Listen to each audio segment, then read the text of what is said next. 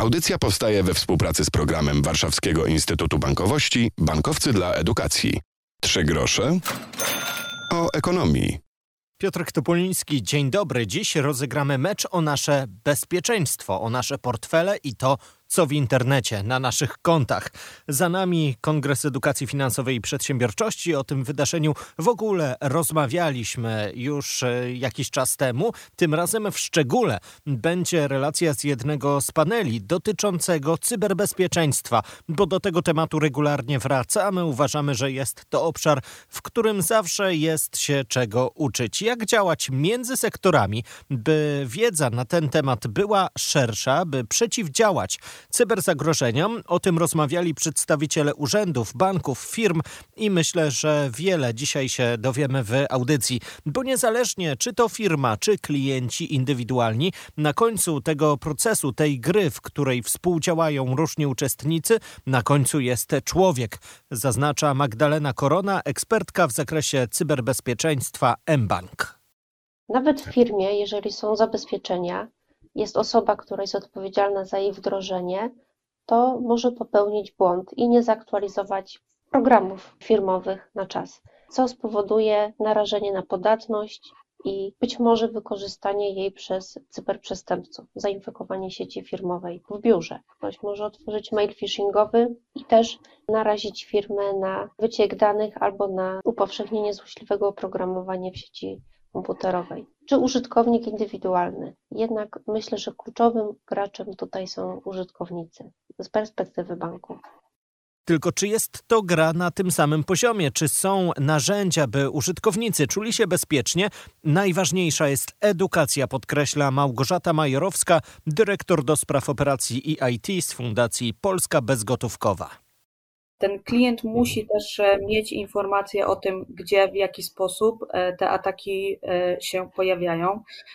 Oczywiście, czy to Kowalski korzysta zarówno z bankowości bardzo często, korzysta z internetu w różnych innych zakresach, czy to jest poczta, czy to jest aplikacja bankowa. Gdyby te organizacje nie za, same nie zabezpieczały swoich serwerów, to jego e, możliwości ataku na tego klienta końcowego byłyby zdecydowanie większe. Także myślę, że zdecydowanie wszyscy gramy do jednej bramki, natomiast ten ostatni element i jego edukacja jest kluczowa.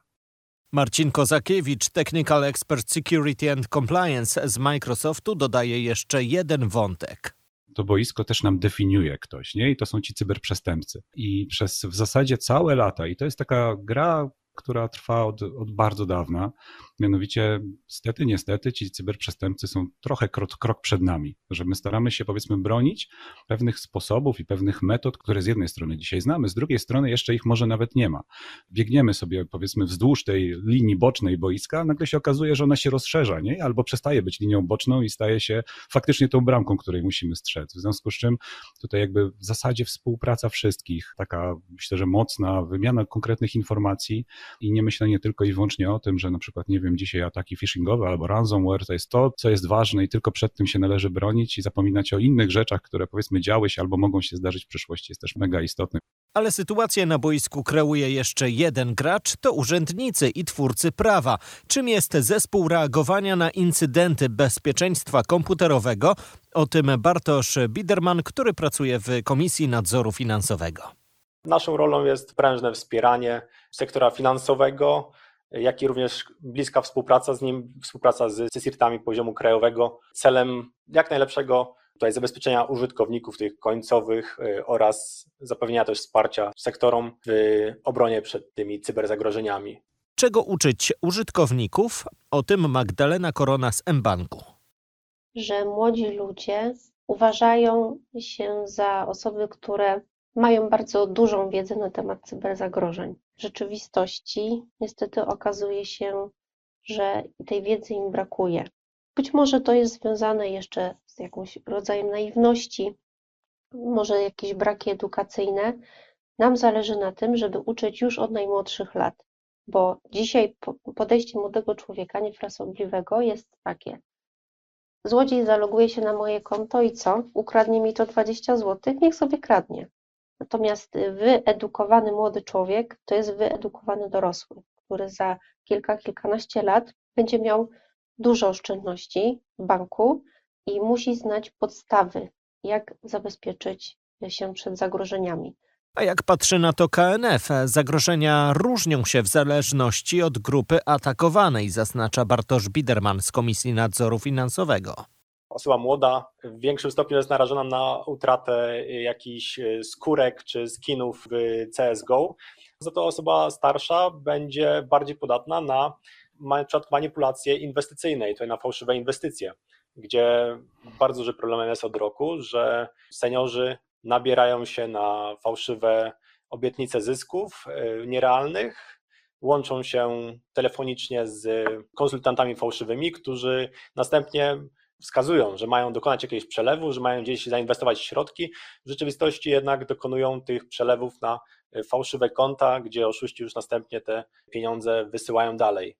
Jeżeli pokazujemy naszej babci, y, że do banku ma tutaj się zalogować i tutaj podaje login i hasło, ja obok wyciąga jeszcze telefon i przepisuję nie czytając y, SMS-a czy komunikatu, no to to jest już y, zapoznanie tak z technologią, natomiast nie ma tutaj zwrócenia uwagi na zagrożenia, jakie są związane z korzystaniem tej technologii.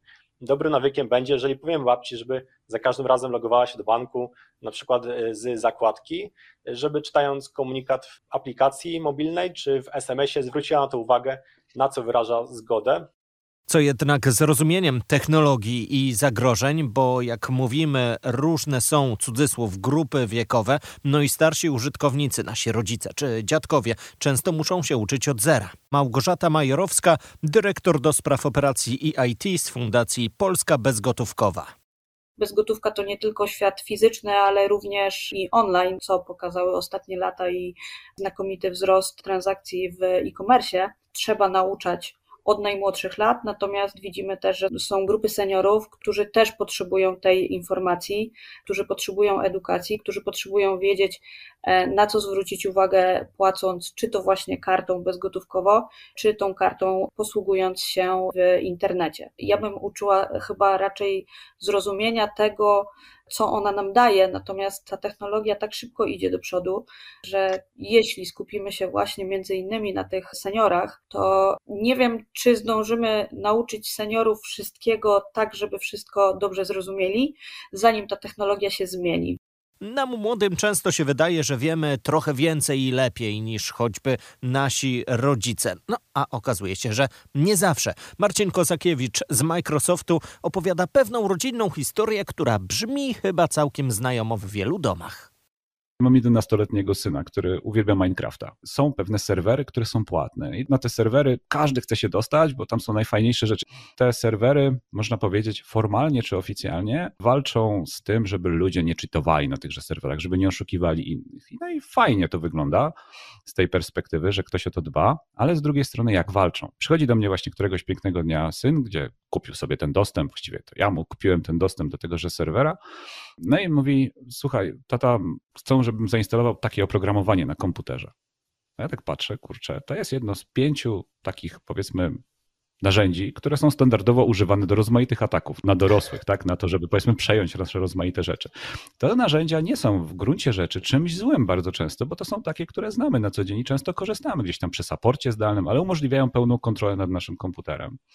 No i to mówię, słuchaj, no nie instaluj, dobrze, że przyszedłeś z tym tematem, no bo w zasadzie nie wiemy, kto jest po drugiej stronie i w jaki sposób działaj. Odbiłem się od ściany, próbując na Discordzie porozmawiać z, powiedzmy, administratorami tegoże serwera, którzy po prostu powiedzieli, tak trzeba i koniec. Tak zacząłem sobie szukać w internecie informacji na ten temat. I się okazało, że są całe fora, całe, że tak powiem, wielkie grupy na Facebooku, takie grupy wsparcia, które pokazują, czy opowiadają, w jaki sposób te narzędzia zainstalować, żeby było jak najfajniej, żeby ten administrator jak najszybciej najlepiej mógł się dostać na nasz komputer. I to jest jakby coś, co się dzieje dookoła, na co często nie zwracamy uwagi, a te dzieciaki generalnie rzecz biorąc pomagają sobie w tym, żeby ktoś wszedł na ich komputer i uzyskał pełne uprawnienia, powiedzmy, takie jakie oni mają. Musimy też jakby dzisiaj od razu pracować nad tymi dzieciakami, żeby im powiedzieć, słuchajcie, no to jest złe, tak by, jeżeli tak to będzie wyglądało, to potem pójdziesz w ten świat dorosłych, nagle się okaże, że ten faktycznie wspomniany wcześniej, tak, skamer, który chciał ci, powiedzmy, zalogować się na twój komputer, żeby ci odpowiedzieć odpowiednio dobrze pomóc, to faktycznie nie zauważysz, że to jest przestępstwo. Będziesz myślał, że to jest normalne, że on, że tak powiem, tylko i wyłącznie po to się próbuje zalogować na twoim komputerze, żeby sprawdzić, czy ty nie cheatujesz w tych finansach przypadkiem, nie? On ci pomoże. I z taką wiedzą jakby wejdą w ten świat dorosłych. Tak więc to wiele poziomów technologicznych, ale i socjotechnicznych. Nie dajmy się złapać. Jak słyszycie, nie możemy być zawsze pewni siebie, bo często reklama, dziwny baner albo prośba, która brzmi całkiem wiarygodnie, może sprawić, że staniemy po stronie mniej bezpiecznej. Dlatego często też wracamy do tego tematu i mówimy, cyberbezpieczeństwo jest ważne, bo dbamy o nasze dane, i naszą kasę. W kolejnej audycji rozmawiać będziemy o tym, jak młodzi zachowują się w obszarze bankowości, jaki jest Gen Z w banku.